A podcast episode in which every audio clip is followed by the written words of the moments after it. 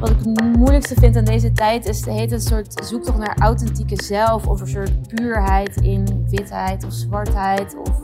En dan denk ik even, maar wat is dat überhaupt? Ik heb echt geen idee waar we dan naar zoeken. Ongezouten ontmoetingen gedreven door nieuwsgierigheid. Welkom bij Offbeat. In deze podcast gebruiken de makers van Theater Rotterdam hun nieuwsgierigheid als kompas en trekken de stad in voor gesprekken met Rotterdammers. Mijn naam is Alida Dors. Sinds mijn aanstelling als artistiek directeur bij Theater Rotterdam heb ik me voorgenomen om Rotterdam opnieuw te leren kennen. En vandaag ontmoet ik Sherine Miragon, directeur van Awake en artistiek directeur van Mono in Rotterdam. Ik ken Sherine nog niet, maar ben nieuwsgierig.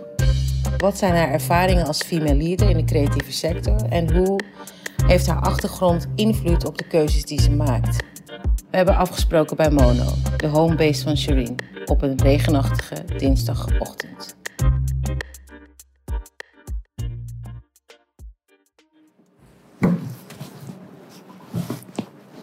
Shireen? Ja, hallo. Hoi. Helemaal niet awkward dit. Ja, zo Hey, dan maar, Ja, hey, hoe is het? Hallo. Goed, met jou? ontmoeten. Same, same. Kom je helemaal uit Amsterdam. Ja, maar met liefde, met Ja. liefde. En jij?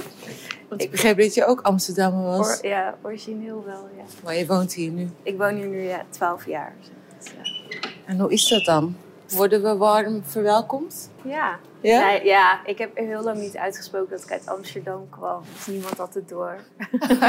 Ja, accent is er weg. steeds meer. Dus nu, eh, ik denk dat het nu wel minder warm verwelkomt. Mensen vonden het meer zo, oh leuk dat jij dan naar Rotterdam komt. Vertel je dan, eh, want het is natuurlijk wel een dingetje, hè? Amsterdam, Rotterdam. Maar hield je dat dan bewust achter of was dat gewoon niet belangrijk? Hmm, nou, ik voelde me gewoon zo thuis in Rotterdam dat ik het er niet echt eh, toe vond doen. En ehm, ja, ik, ja, het komt wel ter sprake soms. Als zij dan echt vragen van waar kom je vandaan. Maar ik ben ook... eh, mijn ouders zijn relatief snel uit elkaar gegaan. En mijn moeder was juist echt een Amsterdamse. En na 40 jaar was ze helemaal klaar. En toen heeft ze echt zo heel random Deventer of all places wauw. uitgekozen. Toen dacht je, daar ga ik niet meer naartoe. En toen was mijn pa in eh, Amsterdam gebleven. Dus ik heb sowieso ja, Amsterdam een beetje 50-50 meegekregen. Ja. Nou ja, tot nog toe voel ik me heel welkom ook hoor. Dus, eh, en ik, ik heb natuurlijk wel wat roots met, eh, met Rotterdam. Ja, Het Rotterdamse, vooral die, ja, die hip-hop scene de hip-hop scene, Ja, ja, de die is heel 90. groot. Ja. Nou, ook vroeger kwam ik hier al, eh, zeg maar, jaren 90, 2000. Ja, Er was eh, veel battles waren er. Vrienden waarbij we gingen repeteren. Dus het was een, een plek waar je eigenlijk wel even uit alle limelight... dat je gewoon lekker je eigen ding kon doen. En Ja. eigenlijk was misschien Rotterdam wel groter dan in hip-hop en in breakdance dan eh, Amsterdam. Maar goed, dat eh, details. details. en hoe voelt het nu? Ehm, ja, ik, ik, ik ben heel erg op zoek nu. Ik ben heel erg aan het herontdekken. Ja, Ik had natuurlijk een beeld van Rotterdam. ja, En ik ben heel erg nu de laatste tijd in de culturele instellingen geweest, vooral de in. ja, Dus mijn zoektocht is, wat is Rotterdam nu en wat kan een culturele instelling als de mijne eh, betekenen voor de stad? ja, Dus dan ben je heel erg nu vooral aan het luisteren, mensen aan het opzoeken, de Ja. stad eh, opnieuw zien, durven zien ook. En eh, de route is pas begonnen, eigenlijk, de, de, de herontdekking. Het is gewoon, eh, ja, ook met corona, weet je, je komt de deur bijna niet uit. Je mag bijna Nee. niet eens naar je eigen kantoor. Dus, maar ik ben heel nieuwsgierig. Ik bedoel, het feit dat ik nu al verdwaald was op weg hier naartoe, dat zegt veel. Volgens mij moet ik niet te veel vinden, maar vooral gewoon kijken en, en, en luisteren. ja. Dus. Maar wat, eh, waar zijn we nu? Wat, is, wat doe ja je hier? zou ik eerst wat uitleggen. Ja. Ehm, nou, je bent in Mono. Ehm, Mono is ehm, eigenlijk een beetje gegroeid naar een club. Wel een club meer in de zin van Uh, het is een redelijk lichte plek, open plek. Um, veel zien het echt als een soort tweede huiskamer. Um, het bestaat al langer, het bestaat al zeker, volgens mij nu 4,5 jaar, 5 jaar. Um, maar zo'n twee jaar geleden heb ik het mogen overnemen.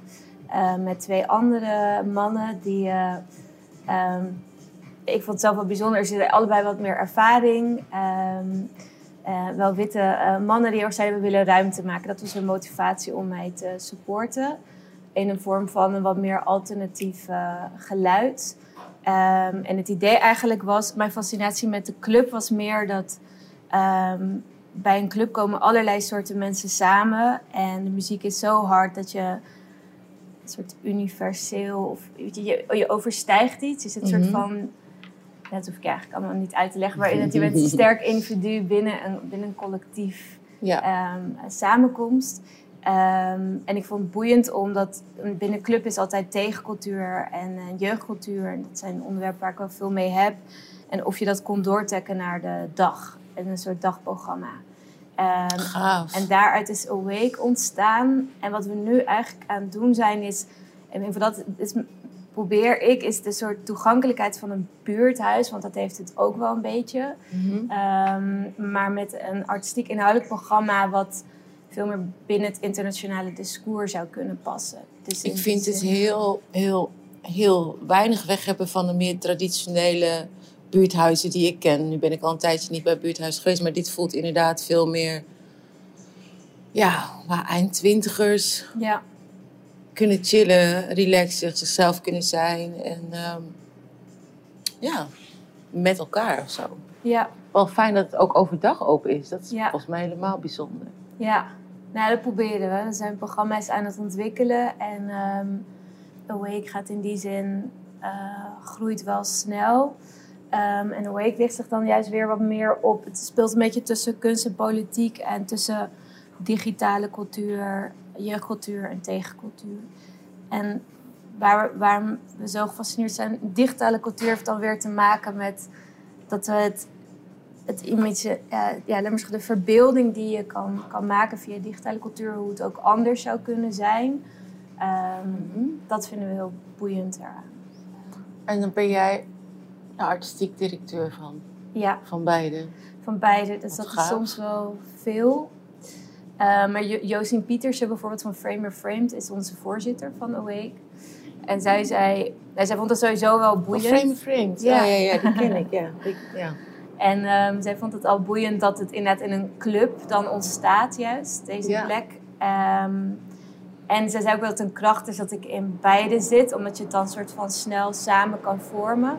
Ja, um, dat denk ik ook ik hoor. vind Ik vind het ook ook, wel juist gaaf dat, dat vrouwen meer naar voren toe stappen en zeggen: Dit kunnen wij ook. Ja. Je hoort mannen niet zo snel zeggen dat ze iets te veel vinden. En wij worden dan geacht zeggen: Oh ja, dat is. Uh, ja, dat is zwaar. waar. Maar nee, man, doe het gewoon. En als het niet gaat, dan zien we het dan wel weer, toch? Ja. Mooi. En hoe, je zei, die mannen, er waren twee eigenaren en die, die zeiden op een gegeven moment: willen plaatsmaken. Ja. Hoe heb je dat ervaren? Is dat, ben jij in jouw scene one of a kind eigenlijk? Een van de weinige vrouwen in, in zo'n positie? Hmm, ik denk het wel. Uh, maar met, eerlijk gezegd, dat thema vrouw komt vaak terug. Meer eigenlijk vanuit buiten naar, naar mij toe. Maar ik merk ik er zelf niet zo bewust of misschien nog niet zoveel mee heb met dat topic. Ik heb het nog nooit zo gemerkt. Ik merk meer, maar dat is een, misschien een ander thema, dat ik meer soms aan het zoeken ben tussen uh, een soort meisjesrol en de rol van een vrouw. En die dan echt claimen. Ik, ik vind Wat het bedoel je daarmee? Ja, dat is interessant. nou, ik heb de neiging om. Um, um, ik denk inderdaad door de interactie met mannen om heel snel in je, ja, je wat kleiner te maken of wat, ja. wat zachter. En, um, en, en, en ik ben nu heel erg aan het zoeken hoe ik gewoon kan staan voor waar, waarvoor ik sta. En ik merk soms in gesprekken dat misschien ook hoe, hoe ik eruit zie. Ik, ik heb ook nog de neiging om inderdaad in die zin uh, ja, je vrouwelijkheid ook eerder te benadrukken. En ik merk dat soms in gesprekken mannen het dan lastig vinden als ik dan ineens wel heel inhoudelijk en serieus uh, Ja. overkomt. Ze kunnen me heel moeilijk plaatsen. En ik ben zelf aan het stoeien met dat ik dat zie gebeuren. ehm, en dan heel gauw de neiging heb om weer een soort oude rol te vervallen. Ja, zodat zij zich weer op hun Ja, gemak dat zij voelen. hun dat gemak zij de voelen. wereld weer snappen. Ja. Ja, dat is eigenlijk best wel jammer. Als je Of dat... ze gaan, of ze gaan soort met je flirten, of ze, ze, ja, ze zoeken je helemaal niet meer op, omdat het inderdaad ongrijpbaar is. En Ja. ehm, Ja. in die zin merk ik dat, eh, dat wel. Ja. Enigszins herkenbaar. Ik denk dat ik wel wat meer meisjes af ben, maar vrouwen in de lead en dan eh, je, je uitspreken en Ja. ook eh, weet je, dat je gewoon voet bij stuk houdt. Zegt nee, maar dit is de visie die ik hierop nahoud en daarvoor ben ik hier. Ja. Dat is, dat is ja, nog niet heel erg eh, geaccepteerd of zo. Of het is nog relatief nieuw. Maar ik denk dat met hoe meer we zijn, hoe beter. Want dan is dat ook makkelijker om de nieuwe, zeg maar, de nieuwe wereld waarin we leven te omarmen. Ook Ja. voor hen. En ook voor elkaar. Hè? Want we geven elkaar ook... Ik, kom dan binnen en zie ik jou denk ik, ja, helemaal tof. Ja. Fijn. Ja. Gewoon eh, een hippe meid. En ehm deze toko. Ja. Word je blij van. ja. Maar ja, Maar het zit hem ook wel in de rolmodellen. Want ik kom net uit, eh, uit Marokko en daar heb ik twee vrouwen ontmoet. Inderdaad meer van mijn leeftijd, dus soort van begin, mid 30. En ehm, zij, zij runnen dan ook een eigen plek, en een kunstplek. En gewoon het feit, ik weet niet, er was gewoon zoveel herkenning. Ehm, ja. En er was zo, zij zeiden ook dat het zo fijn om eindelijk met iemand te praten met wie je wat meer soort de complexiteit en de gelaagdheid. En, ehm, en dat klopt, daar hadden we het ook over. Dat, dat we dat allemaal zien. En wat, wat doe je daar dan mee? En hoe ga je om met nuance? En dat je heel snel inderdaad eh, ja, door de buitenwereld kan zien dat je moeilijk doet. Of, eh, Ja. ja. En dat, dat vond ik wel. Ik dacht, oh, ik ken inderdaad niet heel veel vrouwen eh, met wie ik op dat niveau alles kan delen. Dus het, je, je, je zoekt bij iedereen een stukje. En Ja. dan verzamel je het.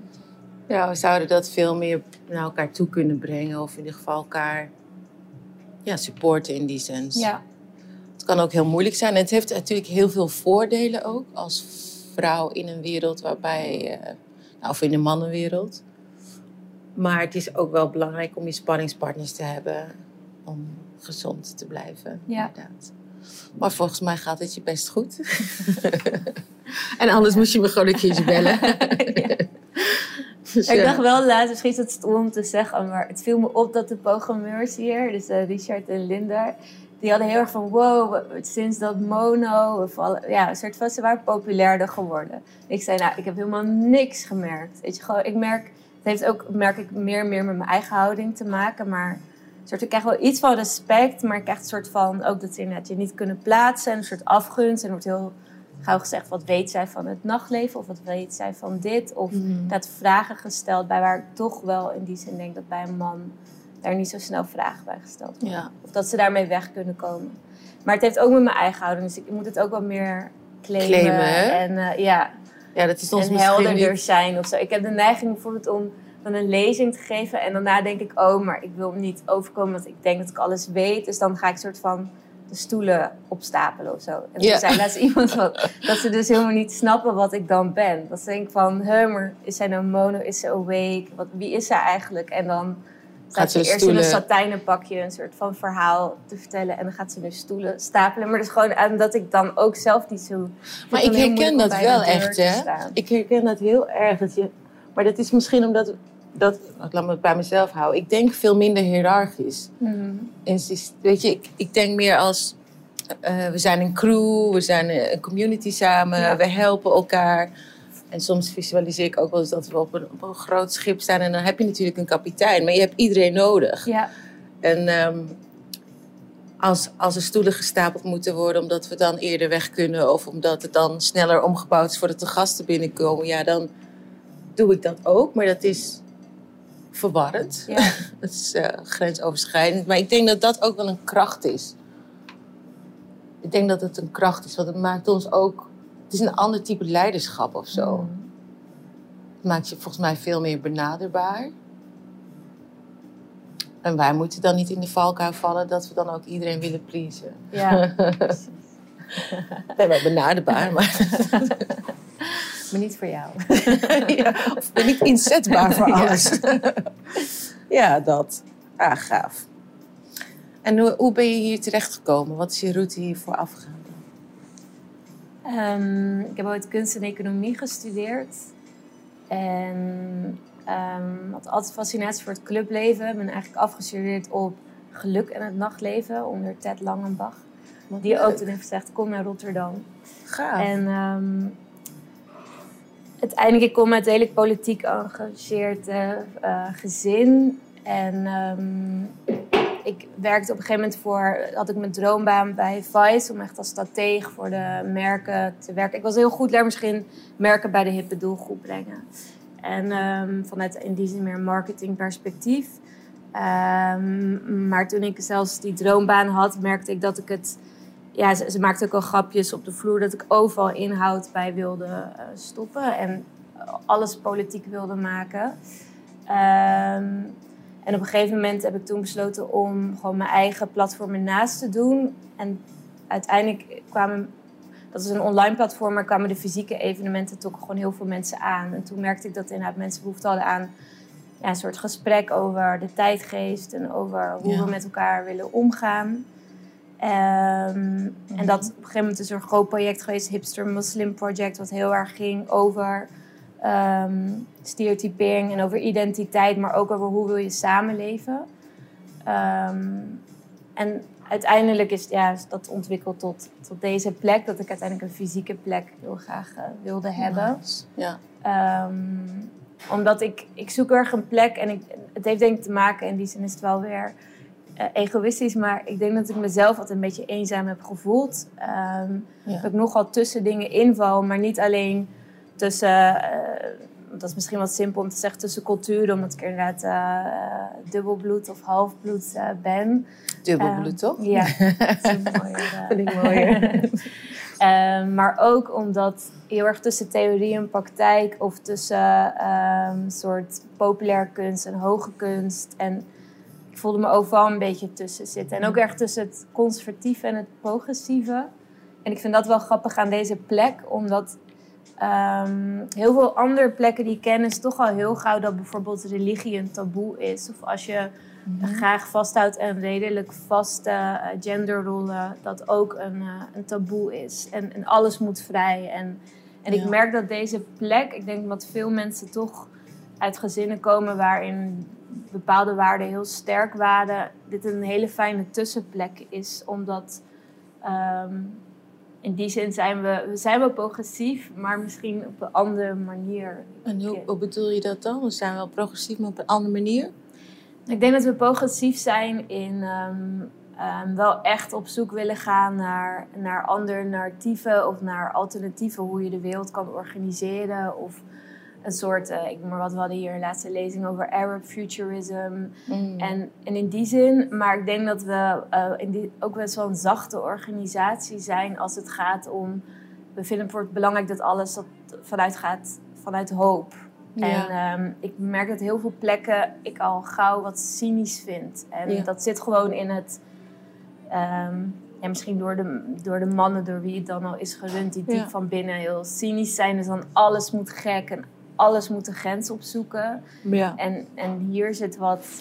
Het ja, hoeft helemaal niet, hoeft zeg niet maar. per se. Ja. Nee. Oh ja, nice. Ik zit gelijk bij mezelf te raden van, oh ja, ik, ik voel ook dat ik, nou dat zeg ik ook altijd, ik ben heel erg politiek. Soms meer dan ik zelf zou wensen, maar dat ja, als ik daar dan op reflecteer, is dat gewoon toch omdat ik, ehm, denk ik, uit een eh, immigrantengezin kom. Hmm. En dat je dan je positie in de wereld anders bekijkt en niks voor vanzelfsprekend ziet. Hmm. Dus ongelijkheid is je niet vreemd. Ja, en als je dan energie hebt en je kan wat, dan ga je daar volgens mij wat aan willen veranderen. Ja. En ja, mijn liefde is dan podiumkunsten. Ja. En daar kon ik heel veel van mezelf in kwijt. Het debat wat we thuis, of het gesprek wat we thuis aan de keukentafel heel veelvuldig voerden over ongelijkheid, over nou ja, de, de travels die de mensen hebben gehad. Weet je, de reis die ze hebben afgelegd met de hoop die ze hebben. En de ambities die ze voor je uitspreken. Nou ja, wat dat allemaal bij, bij teweeg brengt als derde generatie. En ehm, ik heb gemerkt dat me dat... Ik vond het eerst heel lastig. Ik weet niet of ik het lastig vond eerst. Ik weet in ieder geval dat het me heel veel energie heeft gegeven. Een hele scherpe focus in wat ik wil benoemen en hoe ik het wil bestrijden. en bestrijden was inderdaad ook niet per se altijd op de barricade hoor, maar wel mensen willen prikkelen met mijn werk. Ja. En mensen een ander perspectief willen bieden eh, dan de norm. En mensen misschien zelfs in, derde instantie wel tools geven om ook bij te dragen aan die verandering of zo.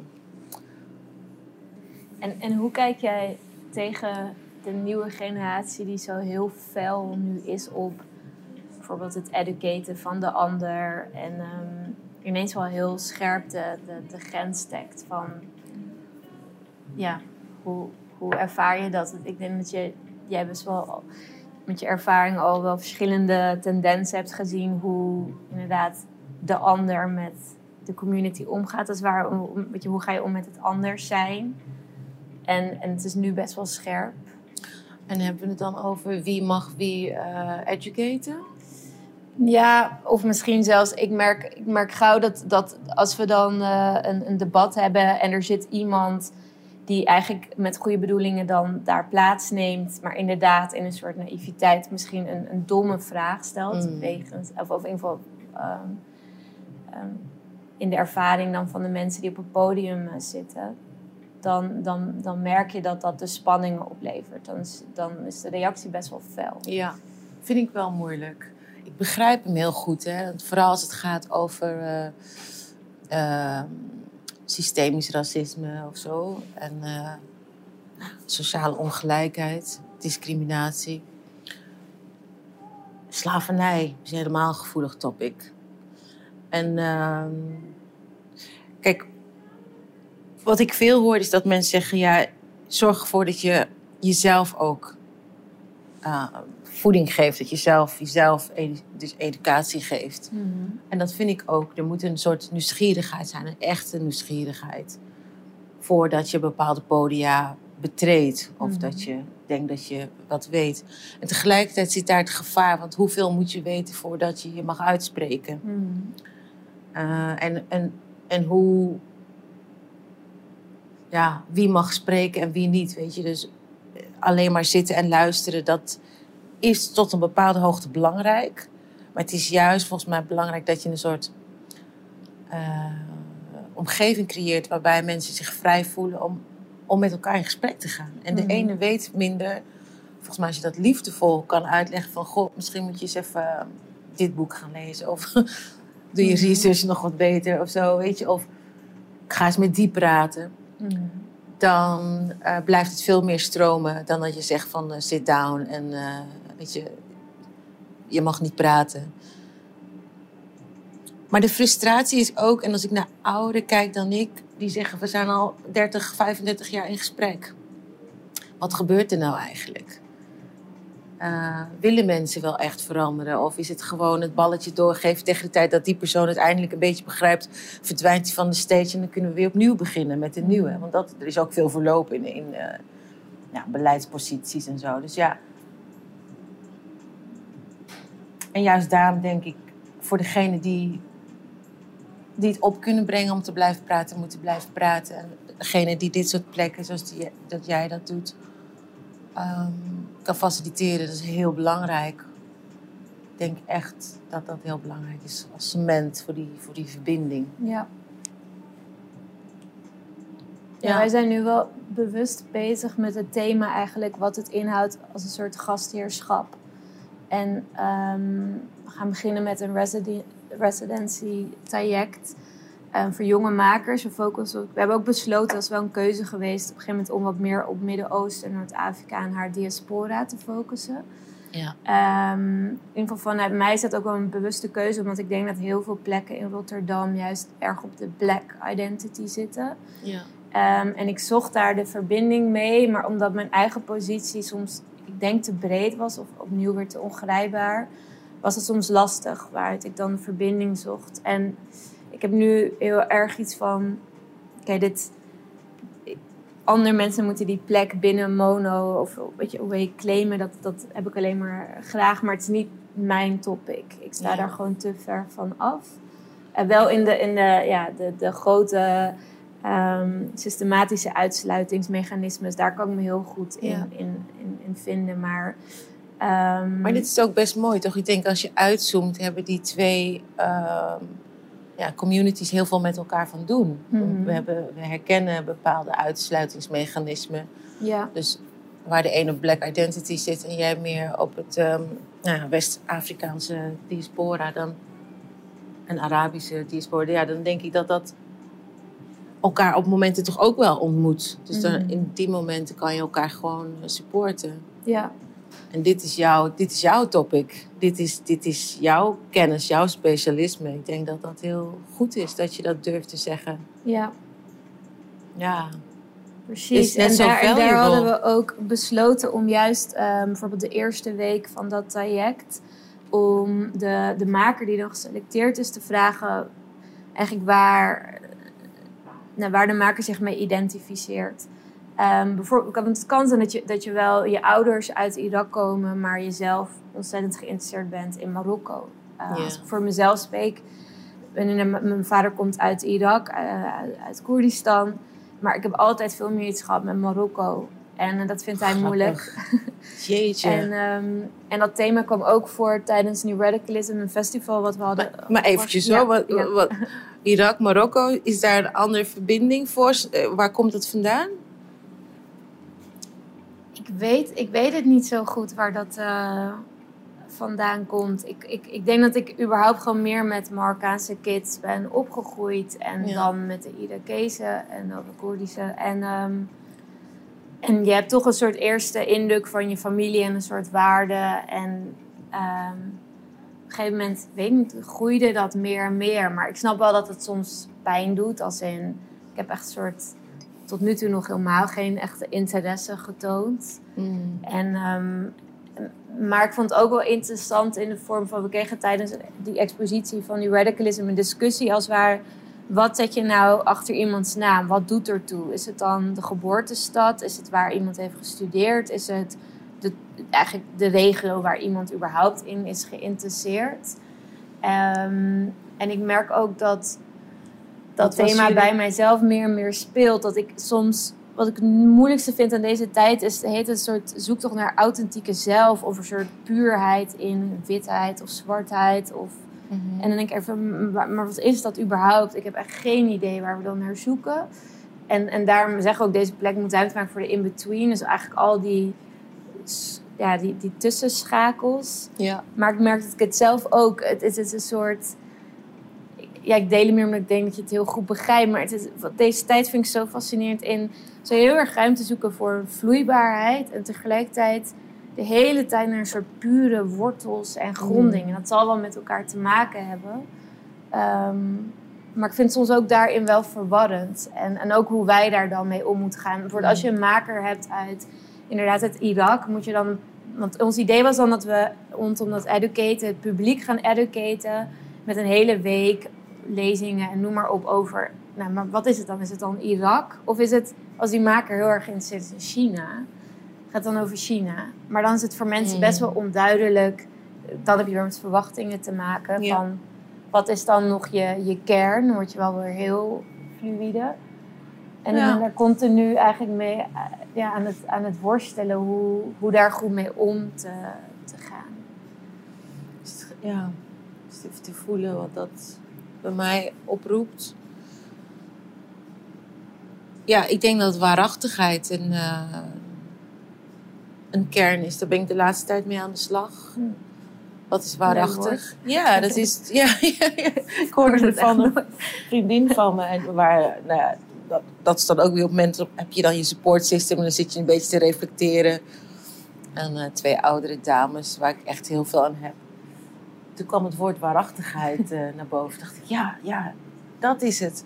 Want er gebeurt zoveel om je heen in het leven. Ja, En eh, Weet je, we vervellen zoveel huid, zeg maar, net als een slang. Je vervelt de hele tijd. Je leert elke keer wat het nieuws en je perspectief, als het goed is, mag verrijkt worden en mag ook shiften. Ja.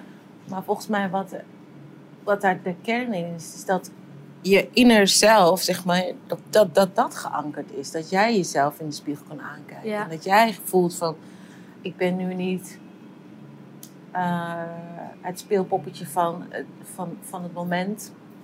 Of van, van personen. Ehm, wat is het haakje wat ik hier belangrijk vind, wat kan bijdragen aan waar ik voor sta? Ja. Dat is soms troebel in alle stemmen. Dat, daar kwamen we ook achter. Soms troebel in alle hectiek van de dag. Maar even stilstaan. Wandelen nowadays. Ben niet uitgewandeld. Voor half negen weer binnen. nou ja, dat soort dingen. Ehm, ja, volgens mij kan die iedere kunstenaar het net zo goed hebben over iets in China. Hmm. Wat misschien ook wel een haakje al heeft in hetgene waar hij vandaan komt. Of waar die, weet je, waar, waar die, nou ja. Zo kan je altijd wel een verbinding zoeken. Ja, ik denk dat waarachtigheid je weerbaar maakt tegen kritiek. Ja. Ik had laatst een goed gesprek met mijn moeder. Die zei, ja, je was, omdat ik enigszins kind ben, al vanaf zes jaar geleden het dingen aan het organiseren. Dat was gewoon mijn mogelijkheid om soort mensen om me heen te hebben. Maar het was toen al blijkbaar de teleurstelling dat ik altijd een beetje buiten de groep viel. Want ik organiseerde het. Ja. En opnieuw ontstaat dat hier, dat ik wil heel graag zo'n soort familie. En dat ontstaat juist in vriendschappen, maar in, in, in echte team is het soms lastig. Het valt me op dat ik soms eigenlijk een veel beter band in lange termijn heb met mensen met wie ik redelijk helder zakelijke afspraken heb. Ja. Maar die dan heel dichtbij Lastig, komen, dan, dan, ik weet niet, dan ontstaat er iets wat, dan nemen ze te veel mee, ook van mijn stress. Of, ehm, dus staat altijd, ik vind het best wel, ja, het klinkt wel heel zwaar gedoemd tot eenzaamheid, maar ik merk wel dat ik steeds meer me bewust ben van, oh, ik moet dat gewoon ook accepteren. Of, Ja. Nou, en dat is het niet makkelijk. system, wat je net mooi zei, dat inderdaad zoiets moet ik gaan zoeken of Ja. creëren. En ik, ik herken heel erg wat je zegt. Eenzaamheid is echt geen vies woord meer in mijn leven. Ik, ik bedoel, ik, toen ik 26 was, begon ik mijn eerste eh, talentontwikkelingsplek in Ja. eh, Amsterdam.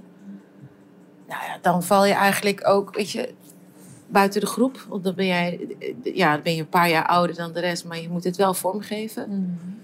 En ehm, ja, mijn makke was dat ik dan misschien af en toe wat te streng was. maar ja, dat hield iedereen wel bij elkaar. Ja. Maar de pijn zit er me dan in dat je denkt, nou nu is iedereen bij elkaar, we doen het goed. Eh, dat er altijd iemand weggaat. Ja. Dus volgens mij is dat ook wat als moeder ons misschien te wachten staat. Dat je dan kinderen opvoedt. Ik wil het niet één op één vergelijken, maar je houdt gewoon van je community. Je Ja. houdt van je groep en je gaat diep, weet je, met elkaar. Ja. En dan, als iemand weggaat, dan doet dat pijn. En tegelijkertijd weet je ook dat je daarvoor bent. Dus dan doe je het eigenlijk ook goed Ja. als iemand weer gaat en misschien later weer terugkomt. Maar eenzaamheid aan de buitenkant staan, ja. Daar moet je een soort tolerantie voor ontwikkelen. En ehm, wat zijn er nog meer wat me ook aansprak? Oh ja, de grenzen bewaken van die relaties. Ja, lastig. is het gewoon doen. Het gewoon proberen. En Ja. het is wel mooi dat je zegt, ik heb een fout gemaakt. Maar volgens mij is het niet per se een fout. Maar is het gewoon meer leren, Yes. toch? Ja.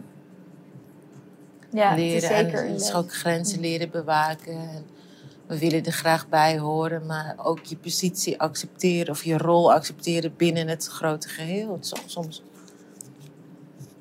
is het helemaal niet leuk. het is ook heel stoer, want je bent de front lady. Weet je, het heeft zijn plusjes. En iedereen kijkt naar jou. En ehm, eh, hoe jij leiding geeft. En dat dat als ideaal is. In een ideale situatie amplified dat zich ook, hè, jouw gedrag. Nou ja, de slapeloze nachten zullen mensen maar niet te veel vertellen. Ja, precies. Ja. Ja, ik had het ook wel bij mijn gezelschap. Ja, gewoon, ja, nou ja, helder, helder. Point taken. Point taken. Ja, ik, ik had daarover laatst met iemand dat als je het hebt over grassroots versus instituut, is natuurlijk de, de loyaliteit en de solidariteit en een soort alle eigen uren die erin geïnvesteerd worden, is ook de kracht. Maar het voelt ook best wel zwaar, omdat je, in ieder geval ik heb dan het gevoel van ik moet daarvoor iets terug doen. Of Hmm. eh, inderdaad, de, de afspraken zijn soms wat onhelder. Het is niet, ik probeer het wel transparant te houden, maar het is toch iets anders dan een hele materiële uitwisseling van geld. Het is allemaal op het immateriële. En dat vind ik soms wel pittig aan eh, het opbouwen van een organisatie. Maar ik kan me ook heel goed voorstellen dat later je dan denkt van... oh, dit, dit, dit was juist een hele mooie tijd. Want nu is alles gestructureerd en ja. Ja. Ja. Je zal het denk ik nu zelf ook meer gaan meemaken in zo'n grote organisatie. Ik moet je zeggen dat ik soms verbaasd ben over de um, shift in realities. Ik kom natuurlijk uit grassroots. En Ja. ik, ja, ook nu snap ik weer wat je zegt. Gewoon, het, is, het zijn onheldere relaties. Waarbij je dat probeert helder te krijgen. eh, waarbij je ook niet een soort exclusiviteit probeert te claimen. Maar dat gebeurt op een of andere manier toch wel als je een langere relatie hebt. Wat ook vaak aan de hand is. Omdat je iemand op weg helpt. Ehm, en dan kan je niet altijd met materie betalen of met, met, met, met eh, in euro's terugbetalen. En wat zou je willen? En tegelijkertijd heb ik daardoor wel geleerd dat waarde bepalen van iemand, dus een waarde van een relatie of een waarde, een investering is meer dan alleen het geld. Want het, alleen geld is, is ook koud. En het wordt hard. En dan, weet je, dan, dan is het echt afrekenen. Eh, ik heb zoveel uur gedaan, dit project. Maar je, je, hoe krijg je iemand toch in zijn kracht? En, en, en wil je, krijg je toch dat iemand met volle passie dat doet? En dat Mhm. kan dan bijna nooit alleen maar zitten in een goed budget. Of Nee. een goede fee. Dus ik denk dat die skills die we eh, hebben... Ja, essentieel is voor de toekomst. Om, om toch een verandering teweeg te brengen. Het kan niet alleen maar op geld zitten. Nee. Dus, ja. Heb je, heb je voorbeelden in je veld? Waarvan je denkt, ja, dat zij of hij doet echt supergoed. Daar moeten we naartoe. Of daar kan ik wat van leren. Ik vond de dame van ehm Le Dissuite, eh, een gallery plek, boeiend in. Zij, zij, zij, nou, zij is daar echt wel de directrice en de founder, maar ze heeft heel veel mensen om haar heen. Heel veel mensen ehm ja, soort van eigenen de plek toe. Ehm, terwijl ze ook niet zoveel kan bieden. Dus ze geeft misschien een van, nou, jij maakt dit programma, maar ze komen dan ook voor de rest helpen. Omdat ze zich gewoon heel fijn voelen in de plek. En ik kon me daar heel erg in herkennen wat deze plek is. Dus dat je eigenlijk wel een duidelijke opdracht hebt en, en eigenlijk maar erin vertrouwt dat iemand dan überhaupt het een fijne plek vindt om veel te zijn. Ehm, dat Ja. vond ik eh, inspirerend. En ik moet zeggen dat ook vrouwen die in die zin hun vrouwelijkheid omarmen, ehm, eh, ja, met, met alle kracht die erin is, dus inderdaad voor een soort van serieusheid of complexiteit. Of, daar, daar voel ik me ook wel ergens mee verbonden. Ik ontmoet wel soms hele, soort hele stoere vrouwen met, heel- met heel veel humor. En eh, ik wil niet zeggen dat ik geen humor heb, maar het is wel dat is een ander type vrouw dan. dan Ja. Ik weet in het begin, toen ik echt in maanden bego- begon, kwam ik vooral een soort VPRO-achtige vrouwen tegen. Dat je gewoon geen make-up, platte schoenen, een soort hele mannelijke eh, energie. Waar ik me heel erg veroordeeld voelde van ja, je hebt lippenstift op en hakken en een tutje. En ik ben wel heel blij dat ik dat nu achter me kan laten. Want ik, ja, Ja. heel vaak iets van, sorry, maar eh, het voelt een beetje op een andere visie op vrouwelijkheid. En ik weet niet zo goed of Je mag toch nou- vieren. Ja, Ja, ik vind ook dat je mag vieren hoe je, eh, hoe, je, hoe je je voelt. Ja, En wat je hebt. Precies. Dus ja, nee. Helder. Maar ik ben nog wel aan het zoeken soms, inderdaad. Ik heb geloof ik dat ik iemand heel hoog heb zitten en dat dan wel weer meevalt. Als ik ze dan echt leer kennen.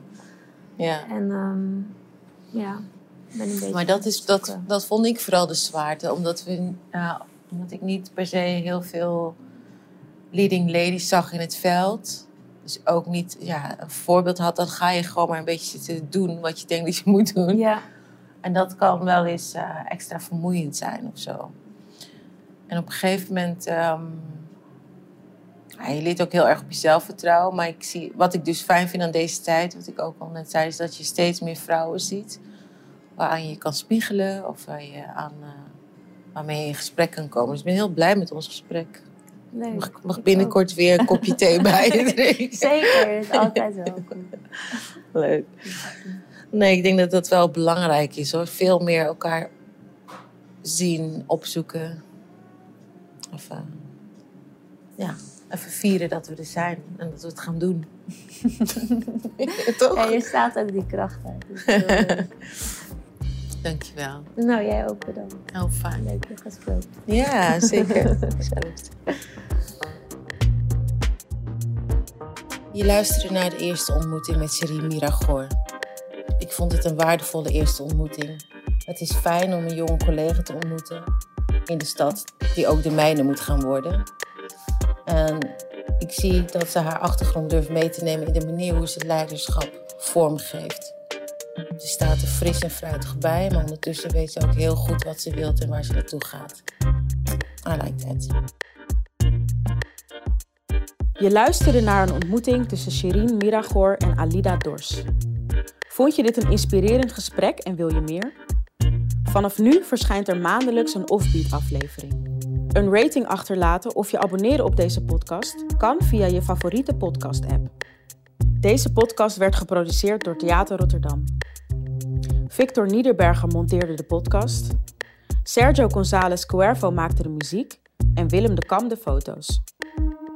Amanda Harpoet, Robin Laurens en Merel Hoesland werkten samen aan de redactie en de productie.